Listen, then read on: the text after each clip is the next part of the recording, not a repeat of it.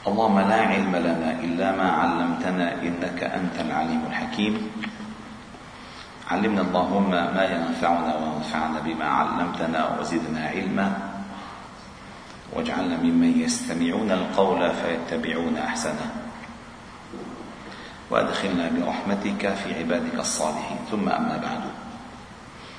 فقد ذكر الإمام الترمذي رحمه الله تعالى في كتابه الشمائل المحمدية في الباب العاشر قال باب ما جاء في نعل رسول الله صلى الله عليه وسلم.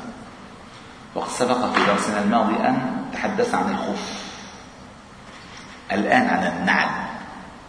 وكما قلنا النعل هو ما يأتي عليه أسفل القدم أسفل القدم ثم يمسك يمسك بالقدم من خلال آه، بسموها قبالة. قبال قبال يعني مثل مثل حبل فتيل شرد يمسك الصابع مشان ما يطلع من محله. في له هلا بسموه شيء أبو أصبع. آه، هلا ابو هي آه، نعل النبي صلى الله عليه وسلم كان بقبالين هلا كيف هلا بقول لك طيب شوف هيئه نعل النبي صلى الله عليه وسلم؟ تمام حتى تعلم كيف كان نعل النبي صلى الله عليه وسلم. كان ينتعل ويمشي حافيا أحيانا ويلبس ويلبس الخف كذلك. وكما نقل عن الإمام الحسن البصري رحمه الله تعالى كان عندما يصل إلى وصف نعل النبي صلى الله عليه وسلم كان يقول له نعل نعل بذكره. فقالوا يا أبا سعيد وكيف نعل بذكر نعلي وكيف نعل بذكر نعل الرسول صلى الله عليه وسلم؟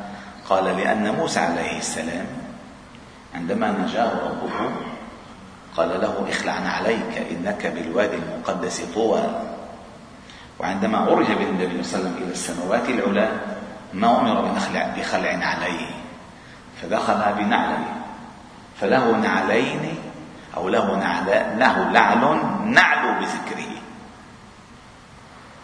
له نعل نعل بذكره. يعني شوف النبي صلى الله عليه وسلم لما له بل له مقامات هائله فاستقبل بنعله صلى الله عليه وسلم. فلذلك من الفوائد أن نذكر كذلك وصف نعله حتى نعلم يعني هالصورة كلها تكتمل. تكتمل الصورة كل الصورة في ذهننا نحن آه، حتى نفهم السيرة. وقلنا سابقا أن كمال الصورة من كمال السيرة. فكلما فهمت؟ جمال الصورة أدركت أسرار السيرة. كلما فهمت فهمت. ونظرت وعلمت جمال الصورة أدركت أسرار السيرة. لأن آه، الصورة يراها الإنسان آه، بقوة بصره. والسيرة يراها الإنسان بقوة بصيرته. لما تقول للإنسان مثلا آه، هذا رجل طويل أنت أدركت طوله بعينك أم ببصيرتك؟ ببصرك أم ببصيرتك؟ ببصيرتك ببصرك بتقول هذا الطويل كريم أنت أدركت كرمه ببصرك أم ببصيرتك؟ ببصيرتك فالصورة تدرك بقوة البصر والسيرة تدرك بقوة البصيرة فلذلك عندما تكتمل الصورة في عين الناظر يلج من خلالها إلى جمال السيرة. فهما خطان يعني يسيران صنوان بعضهما مع بعض كان خلقه القرآن صلى الله عليه وسلم. لذلك كل شيء ظاهر جماله فيه يدل على باطن جماله فيه. كل شيء ظاهر جماله فيه يدل على باطن جماله فيه. كما قال الشاعر سابقا قال ستر الحسن منه بالحسن فعجب لجميل له الجمال وقاء يعني جمال ستر بالجمال.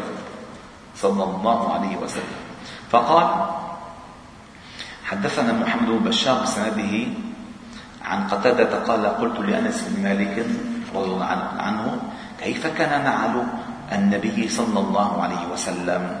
قال لهما قبالان قبلان مثل ما قلنا إن الخيطين بيمسكوا فيها الصابع لهما قبالان ثم قال وحدثنا أبو كريب بسنده عن عبد الله بن الحارث بن عباس رضي الله عنهما قال كان لنعل النبي صلى الله عليه وسلم قبالان مثني شراكهما يعني الشراك تبعهم بتعرفوا الشراك هو الشويطة باللغة العربية. شراك النعل هو الشويطة مسني يعني مطوي. يعني قبلان مطويان مع أبينا يعني زي ما تكون مظبوط مثني شراكهما. وحدثنا أحمد بن منيع بسنده عن عيسى بن طهمان قال أخرج إلينا أنس بن مالك نعلين جرداوين لهما قبالان. يعني جرداوين أي نعلان لا شعر فيهما. جرد لأن النعل قد يكون من من الجلد وعلى شعر. هون محلوق شعرهم يعني جلد صافي. نعلان جرداوين جرداوان آه، لهما قبالان. نعلان جرداوان لهما قبلان. ثم قال فحدثني ثابت بعد عن أنس أنهما كانتا نعلي النبي صلى الله عليه وسلم. يعني كان أنس بن مالك يحتفظ بنعلي النبي صلى الله عليه وسلم. وحدثنا إسحاق بن موسى الأنصاري بسنده. عن عبيد بن جريج أنه قال لابن عمر رأيتك تلبس النعال السبتية. كذلك السبتية هي السبت باللغة العربية والقطع القطع. السبت والقطع. ويوم لا يسبتون لا تأتيهم يعني بينقطعوا عن الصيد. السبت هو القطع السبتية أي مقطوع الشعر منهما يعني كمان جرداوين يعني جلد صافي ما في لا وبر. قال قال لابن عمر رأيتك تلبس النعال السبتية. قال إني رأيت رسول الله صلى الله عليه وسلم يلبس النعال التي ليس فيها شعر أي سبتية ويتوضأ فيها. يعني يتوضأ من غير أن ينزعها. يتوضأ فيها أي يتوضأ من غير أن ينزعها. يتوضأ فيها فأنا أحب أن ألبسها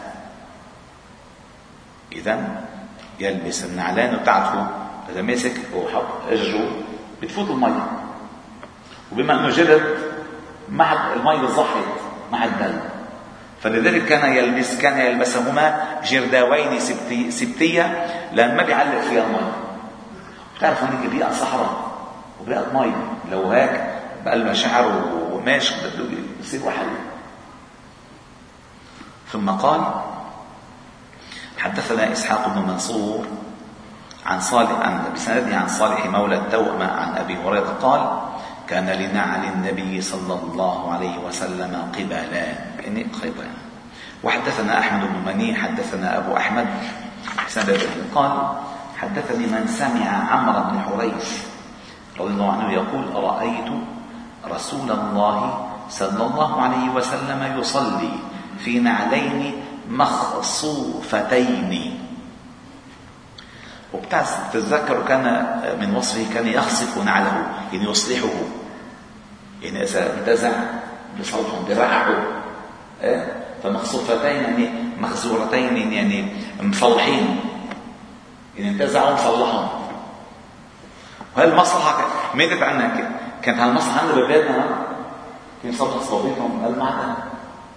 كله بكبوا مخصوفتين.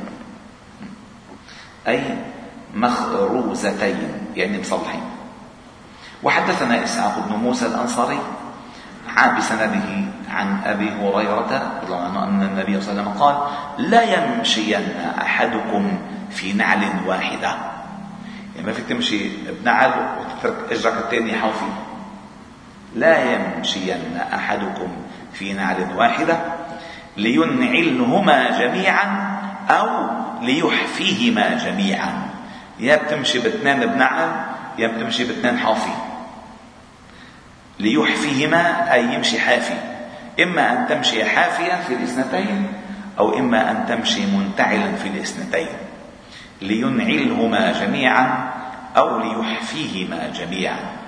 وحدثنا قتيبة عن مالك بن أنس عن أبي الزناد نحوه وحدثنا إسحاق بن موسى بسنده عن أبي الزبير عن جابر رضي الله عنه أن النبي صلى الله عليه وسلم نهى أن يأكل الرجل بشماله أو يمشي في نعل واحدة.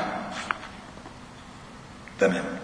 ثم قال وحدثنا قطيبة عن مالك بسنده عن أبي الزناد عن الأعرج عن أبي هريرة رضي الله عنه قال أن النبي صلى الله عليه وسلم إذا انتعل قال إذا انتعل أحدكم فليبتدئ باليمين. يعني يبدأ تناعله يبدأ تناعله باليمين. يبدأ بالبداية بيمينه يعني بإجر اليمين. وإذا نزع فليبدأ بالشمال. فلتكن اليمنى أولهما تنعل وآخرهما فلتكن اليمنى أولهما تنعل وآخرهما تنزع. وبالعكس تنزع بالأول ماشي الشمال وبعدين تنزع اليمين وبالعكس تلبسهم تلبس يمين بعد تلبس الشمال فلتكن اليمنى أولهما تنعل وآخرهما تنزع. يعني الشمال أولهما تنزع وآخرهما تن. ماشي. ثم قال وحدثنا أبو موسى محمد بن المثنى بسنده عن شعبة عن أبيه عن مسروق عن عائشة أم المؤمنين رضي الله تعالى عنها قالت كان النبي صلى الله عليه وسلم يحب التيمن ما استطاع في ترجله. شو الترجل؟ تمشيط تسريح شعره. وتناعله وظهوره يعني يبدأ بتمشيط شعره باليمين ويبدأ بلبس نعله باليمين ويبدأ بظهوره باليمين. وحدثنا محمد بن مرزوق بسنده عن محمد عن أبي هريرة قال كان لنعل النبي صلى الله عليه وسلم قبالان وأبي بكر كذلك وعمر كذلك وأول من عقد عقدا واحدا يعني مشي بأصبع واحد. يمسك أصبع واحد عثمان رضي الله تعالى عنه. والحمد لله رب العالمين. سبحانك وبحمدك نشهد أن لا إله إلا أنت نستغفرك إليك وصلي وسلم وبارك على محمد وعلى آله وأصحابه أجمعين.